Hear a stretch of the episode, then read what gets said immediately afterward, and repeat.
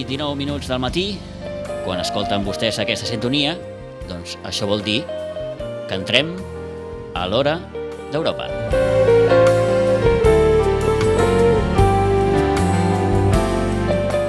Els deixem, per tant, amb la gent de l'Hora d'Europa, amb en Joan Tutusaus. Joan, bon dia de nou. No l'escoltem, en Joan.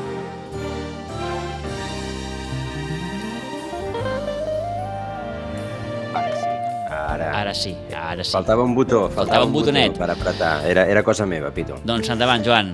Uh, doncs sí, uh, estem a, a l'espera de, que, de que ens eh, comparegui en Joaquim Millan, que no, que no tingui una altra vegada problemes com va, com va tenir l'última l'última hora, hora, hora d'Europa que, que vam tenir, però, però eh, en qualsevol cas, doncs, com, com hi ha una de les, una de les persones que, que ens havia convidat eh, en Joaquim, doncs la tenim aquí, aquí present, mm, la, la saludarem, és la Rachel eh, Archiulo, que treballa al Consolat d'Itàlia a Barcelona i que és eh, presidenta de Vol Espanya, Vol un moviment progressista paneuropeu enfocat a canviar la forma de la política i donar forma al futur d'Europa. Uh, Rachel, uh, Raquel, bon dia.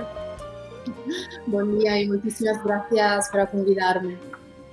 Um, uh, anava a dir, eh, llegint, llegint el que uh, uh, d'això, això, aquest, aquest moviment vol, uh, és, és ambiciós l'objectiu que, que teniu. Bueno, sí, bastante. Y también uh, somos muy conscientes de que es, es, necesario hacer preguntas atrevidas y sobre todo lanzarnos y ser un poco la, la voz de todos estos miles de europeos que si de verdad quieren una, una Europa más unida, una Europa comprometida con los verdaderos problemas de, la, de las personas y sobre todo eh, una Europa que pueda hacer frente a los desafíos del siglo XXI. Que clarament compartimos en tots els estats europeus. Doncs ara, ara, diguem, desenvoluparem aquesta idea, però ja se'ns ha afegit a la, a la conversa Joaquim Millan. Joaquim, bon dia. Molt bon dia. Com estàs, Joan? Avui, avui bé, avui bé, perquè et veig, et veig eh, ben situat eh, en un, en un, anava a dir, en un sostre sobre el teu cap, cosa que és, eh, que és interessant sempre. Uh, sempre eh, buongiorno, tenir... Raquel. Buongiorno, Joaquim.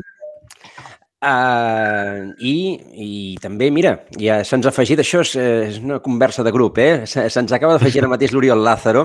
Uh, bon dia. Oriol, bon dia, Oriol. L'Oriol que uh, l'hem tingut en més d'una ocasió en aquest programa, és, eh, és l'exassessor de l'eurodiputat Francesc Gambús i secretari general del Consell Català del Moviment Europeu. Mm, I ara que hi hem saludat més o menys, més o menys a tothom, eh, Joaquim, com amb tu no vam poder parlar la, la, el mes passat, um, déu-n'hi-do l'inici d'any que hem tingut. Hem tingut un inici d'any mogudet, mogudet. Molt, molt mogudet. Vull dir, han passat moltes coses. Jo crec que en poc temps no som conscients. Poder també és veritat que estem acostumats darrerament que el món va molt ràpid, i també amb les relacions internacionals, això la Raquel ja és una experta en s'ho pot dir, i en el nivell europeu mmm, pues, bueno, estem constantment. Eh? Estàvem discutint al desembre doncs, aquell, aquell acabar de l'any amb, aquelles, amb aquells serveis que quedaven de la negociació del Brexit, no? que eh, teòricament el 31 de gener del 2020 eh, ja s'havia produït, però que quedaven una sèrie de coses que per tancar i el desembre els tancàvem, a la vegada al desembre estàvem parlant de com coordinàvem les vacunes a nivell europeu i a nivell mundial, però clar, a nivell europeu, que era el que teníem més proper, com, com aniria tot això. D'altra banda, ja començàvem a parlar dels fons de recuperació, aquests fons que diem Next Generation European Union, que ens han d'arribar i que, bueno, tots en, tots en parlem, però encara no han arribat i hem de veure com i quan, perquè tot això encara hi ha coses que encara no les tenim encara definides. Coincidim també amb el període pressupostari eh, del nou pressupost, també coincidiran amb els fons tradicionals, els FEDER, bueno, això l'Oriol també ho, ho està dominant molt a, a aquest tema darrerament, i per tant ens trobem també en una situació eh, novedosa amb el canvi d'Estats Units, les relacions Estats Units-Europa amb l'època Trump van quedar bastant congelades, inclús en algun moment donat alguna situació eh, que va ser algun pas enrere. Eh, també eh, aquesta setmana hem vist eh, relacions eh, Unió Europea-Rússia amb alguna vot que hem tingut pel mig. Veurem també eh, eh, aquesta nova etapa eh, que, que, que com anirà, perquè realment necessitem tindre bones relacions amb aquelles eh, zones geogràfiques del món que estan manant en aquests moments també. I per últim, això també, i, i aquí els que estem ho tenim molt clar, la Unió Europea, doncs, eh, aviam, ja no està sola eh, amb, com a dir, liderant el món amb aquest, aquesta transformació de l'Agenda 2030, els ODS, transformació ecològica, digital, sinó que estem competint cada vegada amb més àrees del món que també han arribat a aquest nivell de, de també de voler manar, no només obeir, sinó també manar. I aquí estem, ens trobem en aquests moments. Doncs a partir de les, de les premisses, que són diverses i que, i que voldríem doncs, anar-les anar, desenvolupant una miqueta en aquesta, en aquesta estona, eh, jo plantejaria, tant amb la Raquel com amb, com amb l'Oriol, una, una premissa inicial que, que, ens pot, que ens pot servir una miqueta per desenvolupar. Europa pot perdre el tren ara mateix, el tren del món, el tren d'aquest món que està rodant molt ràpid, que, que, que, té, que té la Xina, eh, aquest tren amb Rússia, aquest tren amb, amb, amb Estats Units, aquest tren de la distribució de les vacunes, aquest, aquest tren de que, ha, de que ha marxat eh, al Regne Unit i ja resulta que el Regne Unit vacunen, vacunen millor que nosaltres. Europa es tapa, pot perdre aquest tren ara mateix? Oriol, Raquel, endavant. Raquel, si us plau, endavant, endavant. Gracias.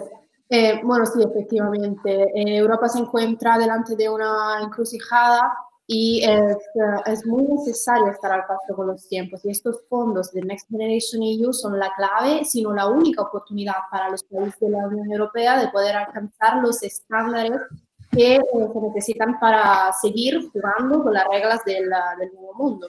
Porque si vemos eh, los presupuestos bases, la, las líneas fundamentales de este presupuesto eh, de la de Next Generation EU, se basa en eh, hacer una transformación, en catalizar esta transformación en los estados, en los estados que tienen que ir en la dirección de una economía verde, de una economía que se basa sobre todo en, um, dar más servicios a nivel social, en eh, ayudar a, los países y las ciudades que, que, ahora mismo se están enfrentando al grave problema de la población, que aquí en España tenemos eh, un problema bastante amplio sobre el tema de despoblación, eh, pero también es cierto que la gestión de estos fondos eh, está en mano a los países y eh, somos muy conscientes de los pros y, los, y las contras de claramente dejar toda la gestión en los países eh, por la falta de transparencia a la que tenemos en contra, etc. Eh, también creo muy necesario que los países de la Unión Europea puedan trabajar en conjunto para alcanzar estos objetivos, que no nos engañemos, al final son los seis grandes objetivos de la agenda de la Comisión y de la presidenta von der Leyen Así que eh, estamos viendo la misma dirección, se está tomando esta oportunidad para a, adelantar todos los cambios y sobre todo eh, yo creo que esta es la única oportunidad que tiene Europa, que tienen los países de Europa eh, para estar al paso de los tiempos. Mm. Oriol. Sí, sí, bé, en tronco amb això que, està, que ha exposat la Raquel. Crec que encerta, però el que també hem de veure que segurament ens ha anat bé tota aquesta sacsejada tan forta que estem, que estem patint. Per què? Sense aquests fons Next Generation EU, potser no haguéssim focalitzat els esforços tant com és necessari per aconseguir la, els objectius de descarbonització, per exemple. Eh? Que només això ja és un repte majúscul. Hem de reinventar la majoria de les indústries que tenim ara mateix per aconseguir aquest repte. I ja no et dic el transport, un altre repte majúscul. Per tant, ostres, eh, el fet de, ara de cop i volta, hem d'injectar diners, sí, però fem-ho intel·ligentment. Aquí la Unió Europea ha estat molt bé. No regala els diners, sinó que els posa a disposició d'aquells que vulguin impulsar aquests canvis que han posat sobre la taula, d'aquells que estiguin disposats a apostar fort per aquelles prioritats que va marcar la presidenta en l'inici de la seva legislatura. Per tant, seran una eina per realment impulsar-nos cal fer-ho bé. Cal que realment la Unió Europea estigui al damunt dels estats per assegurar-se que eh, s'utilitzen com han d'utilitzar-se aquests diners. Eh? Amb això estic totalment d'acord. Per tant, no, no està fet. Ara, les bases són molt bones, són molt bones per evitar el que tu preguntaves, eh? quedar-nos enrere. Uh, és que precisament, Oriol, uh, aquí la, uh, clar, la reflexió que, que es pot fer un és si, si ara mateix i estem tenint els problemes que estem tenint per negociar amb cinc companyies farmacèutiques la distribució de les vacunes, com, com hem de ser capaços de, de reconvertir tota la indústria europea per descarbonitzar-la? Posem per cas. Home, eh, els reptes estan per encarar-los de cara. No? Mira, això de, la, de les vacunes crec que ha estat una lliçó eh, de novatos, permeteu-me l'expressió, eh? és la novetada que paga la Unió Europea en la seva inexperiència en la gestió de compra comuna i en la gestió de subministrament de material farmacèutic, per dir d'alguna manera, eh? que també vam tenir el problema de les mascaretes i material. Però, en canvi, és, és la primera, primer cop, el primer pas que es fa cap a unificar els serveis sanitaris. Poca broma, eh? Poca broma. Això és molt important. O sigui, a base de crisis, la Unió Europea està trencant barreres que eren impensables abans de passar aquella crisi en concret, com per exemple crear el BCE, que no existia. Però clar, vam tenir una sacsejada econòmica brutal i va obligar a la Unió Europea a moure fitxa. Perfecte. Ara tenim una eina nova i a sobre és bona. Ens ha anat perfecte per poder encarar aquests Next Generation. Per tant, siguem positius dintre de la, de, de la situació dura que, que patim i que patirem, eh? Atenció. Mm -hmm. Joaquim, en Joaquim se'ns ha congelat ara mateix. Deu fer fred allà, sí. No a, a casa seu fa fred. Sí, sí. sí deu tenir la finestra oberta. Bé, ara, ara, ara. Digues. Joaquim, fem, fem una cosa. No se't sent bé. Em, em, em uh, mira de desactivar la càmera. Val. Mira de desactivar la càmera, a veure si et sentim millor. Sí. Vale. Vinga, endavant.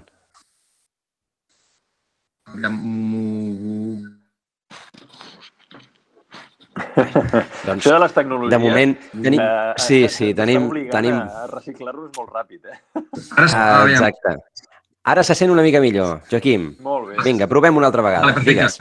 Abans abans m'he deixat d'esmentar una cosa que penso que també és important i és de que a Europa, justament en aquest moment tan crucial que parlava la Raquel i especialment a l'Oriol en aquests moments, eh, tenim un problema i és de que ens deixa per primera vegada surt de el que seria l'escena eh, política europea, malgrat mai ha estat en una institució europea. Ai! Sí. Vaja, Ara que anava a dir interessant. En... Sí. Joaquim, Joaquim ah, t'estem ah, tornant a perdre. Uh, sí. Ostres, ara sí, ara sí, ara sí, sí. Vas i vens.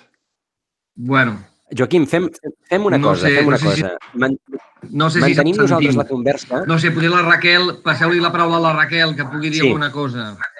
Uh, uh, fem una cosa, sí. Joaquim. Surt i entra una altra vegada, d'acord? I aleshores nosaltres continuem la conversa, a veure si, vale. a veure si es recupera amb més fiabilitat la teva, la teva connexió. I mentre, doncs això, uh, Raquel, mm, ens sabrem reinventar? Bueno, esto eh, lo llevamos dentro de una de las prerrogativas de los europeos, reinventarse. Eh, quería comentar también que, eh, para añadir al discurso que estaba haciendo Oriol sobre el tema de, de, las vacunas, que el control que ahora mismo está tomando la Unión Europea para la difusión de las vacunas em, va totalmente a la dirección de la creación de los nuevos valores europeos, valores que hemos perdido y que tenemos los ciudadanos europeos que reconstruir desde la base, porque claramente hemos visto que eh, la intención de crear una constitución europea, o sea, de crear valores desde arriba hacia abajo, mm, no ha funcionado hasta el momento. Entonces, uno de estos valores es, es lanzar un mensaje a la, directamente a todo el mundo y al globo de que la Unión Europea está difundiendo vacunas gratis para toda la ciudadanía de una manera igualitaria y sobre todo estas vacunas tienen que tener un control. Y de aquí viene sobre todo el bloqueo a los Sputnik 5, sobre todo eh, la, la, vacuna eh, rusa, mm, dejando de lado todas las, las, problemáticas diplomáticas de Rusia con uh, la Unión Europea, que creo que después hablaremos también de, del viaje de, de Murray a Rusia de estos días. Eh, pero quería comentar de que la, la Unión Europea está, lanz, está, lanzando este mensaje, está lanzando este mensaje sobre todo a los gobiernos, eh, los gobiernos que son eh, anti-Europa y que están sobre todo em, lanzando en los diferentes países, uno de los países es claramente Italia, antes de ahora de la caída del gobierno, eh, de que las vacunas eh, no son necesarias. Existe todo este movimiento de antivacuna. Entonces ahí va la Unión Europea y eh, gestionará todo esto para hacer llegar efectivamente las vacunas a las personas que de momento son bastante escépticas, para darle por lo menos un derecho. Uh -huh. Hi ha, hi ha una evidència clara. Si no ens funciona això de les vacunes, eh, el Next Generation ja, ja el podem llançar a la brossa, perquè si no sabem fer això, la resta mm, difícilment la, la sabrem fer. A veure, a veure si hem recuperat en, en Joaquim. Escolta, tenim uns problemes amb tu últimament. A veure, desactiva el, el micro, el micro. Ara. ara, ara sí, ara sí, no? Ara sí. Bueno, no, jo només volia apuntar això, que no sé si s'ha sentit molt al final. Estic totalment d'acord amb l'anàlisi la, de l'Oriol i especi especialment amb el que acaba de dir ara la Raquel. Eh? I jo crec que eh, tot això coincideix amb, amb que teníem, fins ara teníem una persona que liderava a Europa, eh, que, malgrat no presidia mm, cap institució europea, que era l'Àngela Merkel, que quan havia algun problema posava ordre. Jo no sé si en aquest moment desordenat eh, del món en general i també de la Unió Europea eh, perquè la nova comissió von der Leyen l'ha agafat amb, amb tot el tema Brexit, el tema de les vacunes, etc. I, per tant, també m'he donat a les prioritats que, aquella, la, la, la, la, que al primer moment la Ursula von der Leyen va posar sobre la taula no sé si es podran complir massa, malgrat és veritat que, com deia l'Oriol, els Next Generation la situació fa que focalitzem poder dos d'aquelles sis prioritats, digitalització i transformació ecològica i, i mediambiental i sostenibilitat, que són dos eixos importants de transformació econòmica i social que Europa necessita per sortir-ne d'aquí, però jo reprendria també una, una cosa que ha dit la Raquel, que per mi és important, i és no deixem de focalitzar en un tercer element, que per mi és fonamental, que és la ciutadania, les persones. Mm, si no, tornarem a deixar tornarem a deixar perdre aquella ànima europea de fa més de 60 anys que Europa va prendre aquesta, aquest, la decisió d'aquest camí bàsicament per millorar la vida de les persones, no? I, per tant, eh, jo crec que el, el que deia l'Oriol Raquel era, en el fons, mm, no ens oblidem d'això. Tot això ha de servir per millorar la vida de la ciutadania i per millorar les persones que conformen aquesta Unió Europea i no deixar ningú enrere perquè aquests avenços que es produiran molt ràpidament tornaran a, a, a generar més bretxes, més bretxes la digital, la intergeneracional, la d'igualtat d'oportunitats en l'àmbit professional, etc etc. I, per tant, en el cas espanyol, haig de dir, no sé en el cas italià, la Raquel si també ens pot dir alguna cosa, però en el cas espanyol ja portem un retard amb alguns indicadors que ens estan dient que som el país amb més abandonament escolar, som el país on hi ha més atur juvenil, som el país on tenim una bretxa de lo que és la inversió pública en l'àmbit de l'educació i la sanitat en comparació amb altres països, etc etc etc. Només una dada, seguim invertint més en, en despesa militar que en despesa sanitària en plena pandèmia. Això e, és impressionant i això no es diu o no hi ha interès en dir-ho, però, escolta... Un matís, Joaquim. Ens han d'interessar a la ciutadania saber que això ho hem de canviar. S'ha de canviar. I això, I això ho fa un govern que es diu el més progressista de la història. Um, Oriol. Oriol i Raquel. A, a, um, a veure, uh, tots aquí som de països del sud, tots sabem com eh, van anar les negociacions de la Next Generation i com doncs, allò, els, els anomenats frugals doncs, van mm, eh, eh, torçar tot el que van poder per, per això, per, per, perquè hi hagi un control.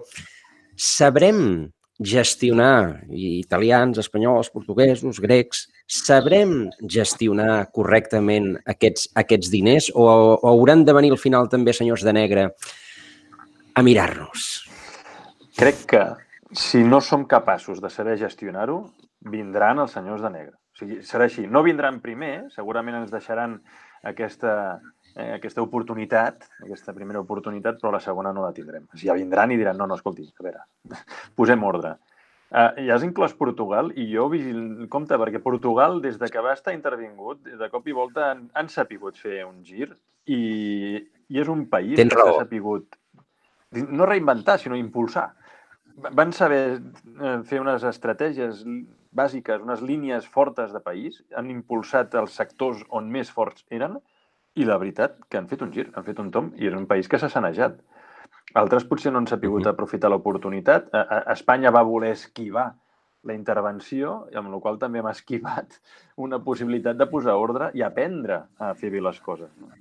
Uh, ara, jo crec que sí que ens deixaran l'oportunitat, però també és cert que estaran molt amatents, eh? I els entenc. I els entenc. A Itàlia ha caigut el govern ara mateix, que és, que és un clàssic, perquè des de la Segona Guerra Mundial no sé quants en porteu, oi? Uh, anava a dir, és, bueno, això, això és allò de sempre, eh? que, que Itàlia de, canvia el govern per no, per no... allò que deia Lampedusa, no? Uh, com... que, Bueno, i- planteja? Sí, efectivamente. Eh, hemos estado en otro momento de crisis y gracias a nuestro presidente de la República que ha sabido mirar hacia afuera de la, de la arena política, del caos político que teníamos en Italia y nos ha, nos ha vuelto, nos ha devuelto eh, Mario Draghi. Bueno, esto ya ha generado un poco más de estabilidad, sobre todo en eh, los mercados y, eh, y también la Unión Europea ahora mira a Italia con un poco más de tranquilidad, sobre todo para la gestión de estos fondos europeos, porque mm, no tenemos que olvidar que Mario Draghi salió a la- al, al Banco Central Europeo en 2011 justo después de la crisis de 2008 y es muy famosa la, la frase de, de Mario Draghi que decía eh, de, de salvar el euro a cualquier costa. Y eh, lo, lo salvó, salvó el euro eh, llegando a los extremos de los tratados internacional, internacionales, pero siempre quedándose en la legalidad europea. Y esto es mm, algo que, eh, si bien en un primer momento algunos países, sobre todo los países frugales, eh, le, mm, le echaron a la cara, pues después se retrataron por, ah, por haber eh, gestionado bien y también gestionado las políticas de autoridad.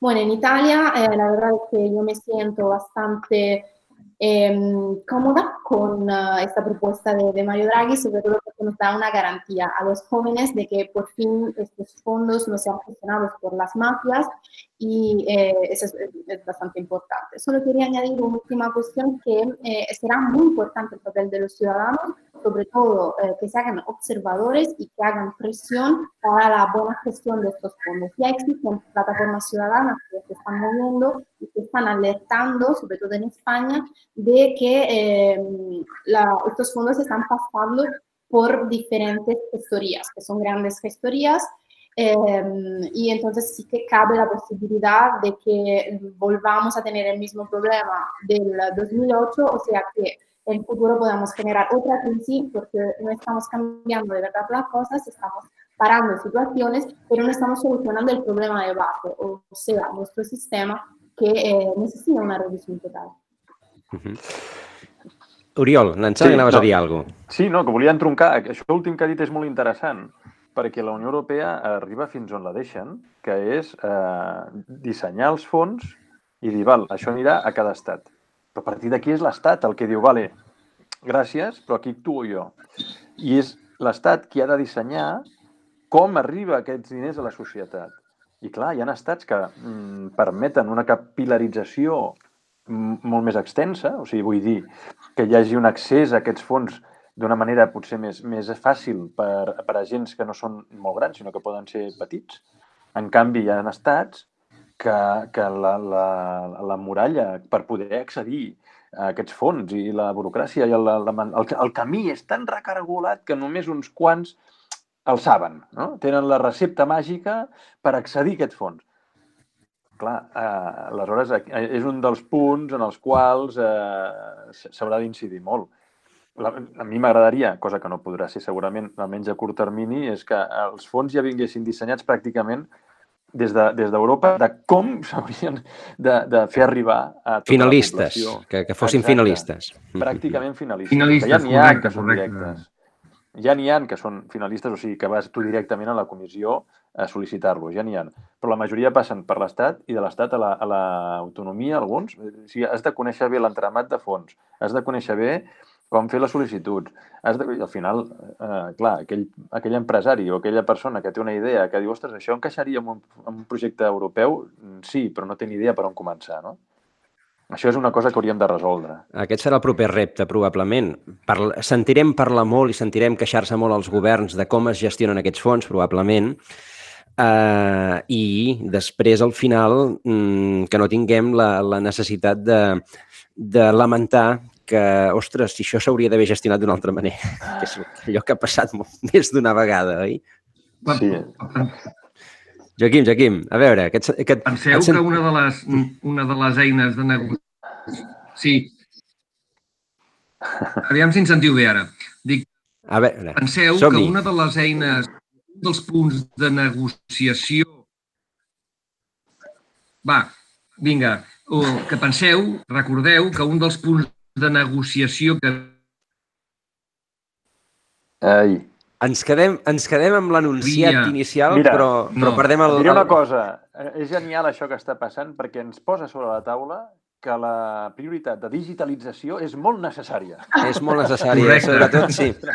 I, I que en Joaquim haurà de demanar Sitges, un eh? fons. I que en Joaquim haurà de demanar un fons. Aviam si l'Ajuntament de Sitges, aviam si l'Ajuntament de Sitges es posa les piles amb aquest tema. Escolta'm, uh, fem, uh, fem una cosa, uh, Joaquim. Mm, ara li passo el teu telèfon amb el, amb el Jordi. El que passa... Sí, t- t- tu, uh, surt un momentet, mentre um, jo volia treure dos temes més abans que, uh, abans que se- se'ns acabi el temps. Un, que, que és el que ha apuntat abans la, la Raquel, que bé, són, són dos temes de, de l'últim mes. Un, que és d'aquesta setmana, que és aquesta eh, malaurada, per, per definir-lo d'alguna manera, visita de, de l'alt representant de, de la diplomàcia europea a, a Moscou i ahir la seva doncs, també curiosa compareixença al, al Parlament Europeu. Em sembla que, que la senyora Mogherini no havia tingut mai tants problemes amb, no sé si van ser quatre anys de gestió, sis anys de gestió, com en el mes que porta o dos mesos que porta Josep Borrell. Però bé, això una. I, i la segona, doncs, eh, evidentment, com poden també canviar les coses amb la, amb la presidència Biden a, als Estats Units. Són, són les dues coses, clar. Tenim, tenim això, Josep Borrell gestionant la diplomàcia europea en, en un moment que eh, probablement es necessita molta, molta diplomàcia. No sé, no sé com ho heu vist, això eh, perquè ahir, clar, va vespres i, clar, evidentment aquí es barregen moltes coses i, i tenint en compte que Borrell és català, doncs aquí encara se'n barregen més, oi? Però eh, no sé com, mm, anava a dir, com es paeix des de fora quan, quan la prioritat ha de ser una altra, probablement. Oriol, Raquel. Raquel, sisplau. Bueno, para decirlo en catalán ya no calía. No, no era necesaria esto. este viaje, sobre todo en este momento, porque buscar un diálogo con Rusia en, ah, en cuando las prioridades de la Unión Europea deberían ser otras, y yo creo hacia el interior y sobre todo fortalecer, ah, como estabas comentando, eh, lo- las relaciones con Estados Unidos, bueno, lo único que se ha demostrado es la, no solo la incompetencia, para decirlo así, de, de un, de un político que en este caso se caracteriza por su, su prerrogativa de pactismo, pero que nada ha podido hacer en contra de la- las agresiones del, del ministro de Exteriores uh, ruso, que lo que estaba buscando era el enfrentamiento. Aquí tenemos dos políticas eh, completamente diferentes de, de acción. Una es la política de mediación de la Unión Europea que siempre hemos tenido y la otra es una política de ataque, sobre todo a nivel diplomático de Rusia. Em, el viaje de Borrell tenía dos objetivos principales. El primer objetivo era em, aumentar las relaciones y el- abrir el, el diálogo con Rusia. El, el segundo objetivo era eh, reclamar la liberación de eh, Navalny. Y, también hubiera tenido que ir a verle a, en la cárcel y claramente no ha podido ser. Entonces, mm, todo el mundo ha podido ver esta mm, conferencia en el que el uh, Borrell ha tenido siempre, ha mantenido su posición de, de, mediador, intentando no caer en las trampas rusas, pero en cada momento eh, Rusia ha atacado la Unión Europea. En cada momento. Uh, sinceramente, mmm, yo creo que eh, es muy importante en este momento, no la opinión pública que tiene de la Europea en Rusia, porque esta ya eh, no ha variado, sino ha reforzado mucho más cuál era la idea sobre todo ha dado, valen, ha dado apoyo al, a un régimen que es muy criticado, sobre todo por los países de la del Este, eh, sino que yo creo que es muy importante eh, hacer un rewind y pensar cómo funciona, cómo funciona Europa. Eh, antes de ir a un país eh, como Rusia, yo creo que hubiese sido necesario con los países que están alrededor de Rusia, que conocen Rusia. Y Bingo. Sobre... ¿No? Sí. Perdona, perdona, pero es que es eso. Sigue, sigue, Raquel, sigue. Exactamente, porque lo hemos visto, lo hemos visto en, en el último debate que, que se ha tenido en, en, en Europa, de que eh, muchísimas de, muchísimos de los errores que se han hecho durante esta conferencia estampa hubieran podido prevenirse, simplemente hablando con los países de la Europa del Este, viendo que, eh, que ahora mismo no, no, era el momento. Bueno, paso, si no me quedo hablando todo el día y seguramente seguiré. No, sí, agafant, agafant el fil, eh, el, el que ha apuntat la Raquel és, és, és el, has tocat aquí el, el dit a la llaga. O sigui, primer has de conèixer on vas, la cultura, la història, has de saber com accedir-hi. Eh, si una potència com vol ser Rússia, que ho és, i amb un, amb un sistema de govern que ja el coneixem quin és, val? es diu democràtic, però en realitat tendeix més a ser autoritari. Tu el que vas és a donar-li lliçons, per favor, i a sobre vas a donar lliçons sense tenir els deures acabats de fer ben fets a casa, eh?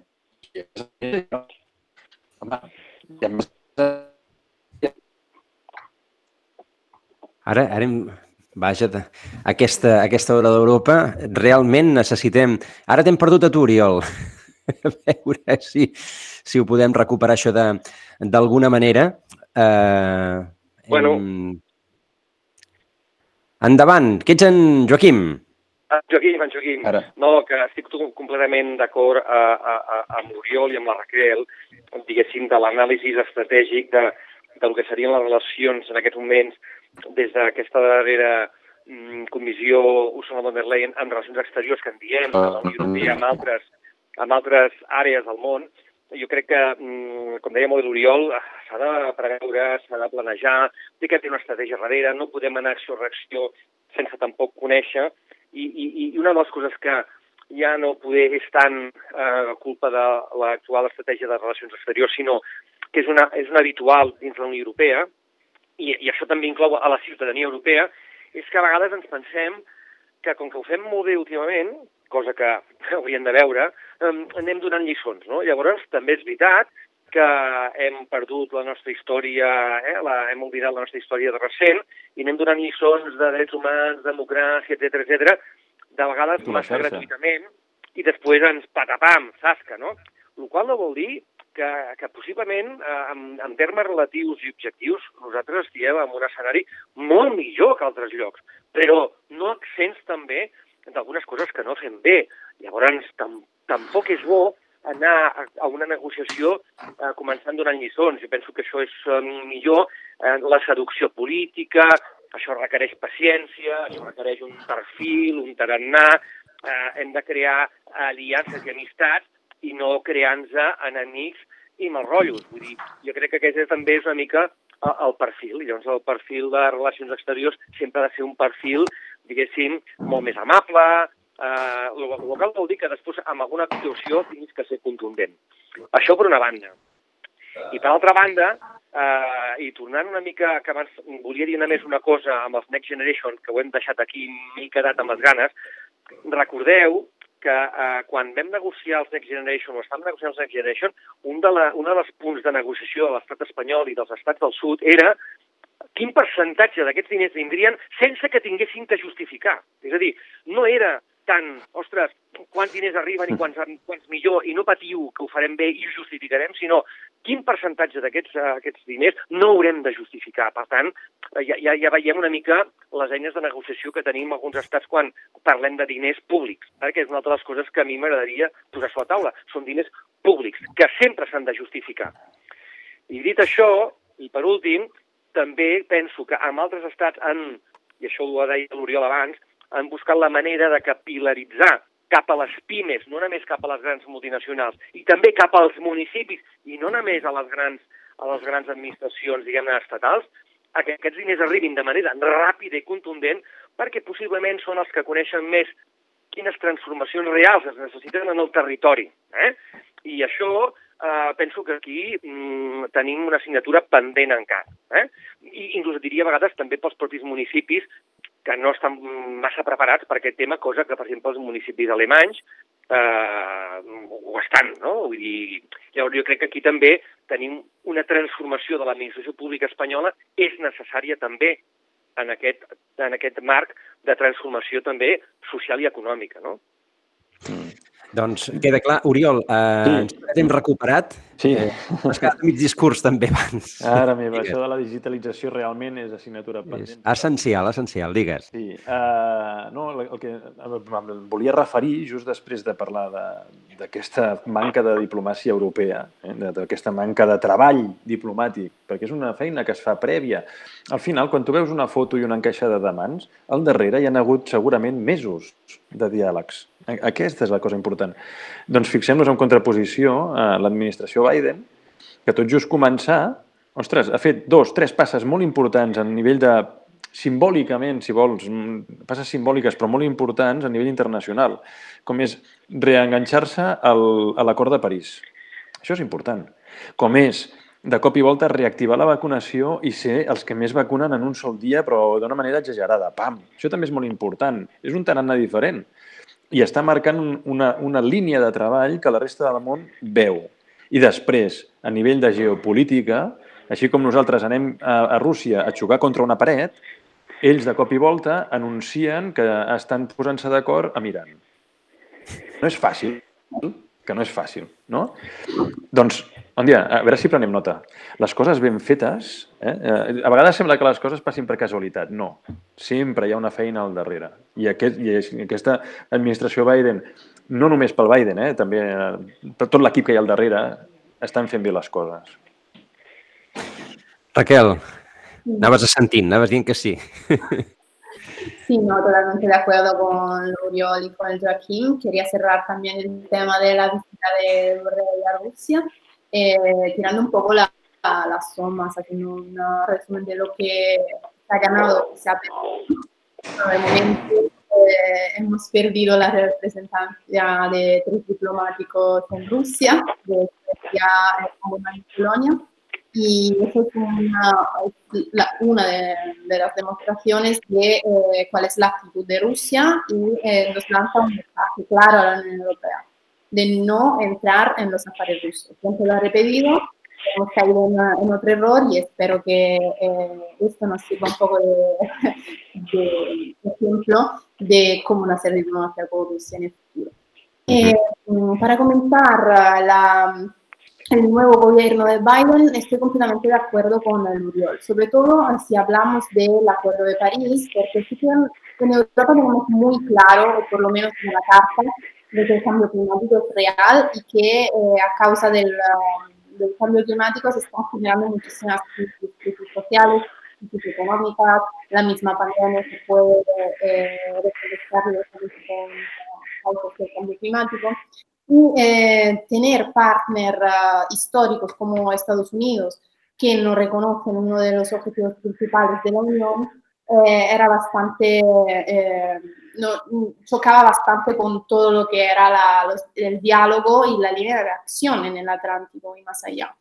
Eh, también es importante recordar que la Unión Europea es uno de los, uh, de, de, los continentes y sobre todo del, del, conjunto político, para definirlo uh, así, que menos contamina en el mundo. Aquí tenemos menos emisiones, entonces está muy bien luchar dentro de los países de la Unión para rebajar mucho más eh, las emisiones, pero es muy importante jugar con la diplomacia eh, ir allí donde hay países que contaminan más, como China y Rusia y sobre todo Estados Unidos. Entonces, si los mismos países no reconocen el problema, eh, aquí en Europa podemos utilizar todos los fondos de Next Generation EU para um, combatir y luchar contra el cambio climático, pero nuestro impacto va a ser muy...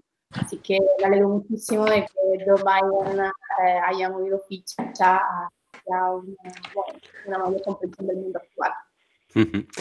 Doncs, uh, Pitu, ja tornes, ja tornes a ser aquí. Sí, perquè ens queda, poquet, acaba... ens queda poquet, sí, poquet. Sí. Se'ns acaba el temps. Ha estat una mica tribulada aquesta hora d'Europa, eh? Perquè... Això, Però això, bueno, de, més o menys... això de les connexions, noi, Sí, sí, sí. va com sí, va. No? eh? Escolta, eh? enviarem una carta a la comissió a veure si ens poden fer una subvenció finalista, oi? Perquè, doncs, perquè ens, ho, ens ho arreglin. Bé, moltes gràcies, Um, Joan. Moltes gràcies a tots els que han participat d'aquesta hora d'Europa. Que vagi molt bé. I fins, Gràcies, Raquel, gràcies, Oriol, i gràcies, Joaquim, eh, i fins una altra. fins una altra. I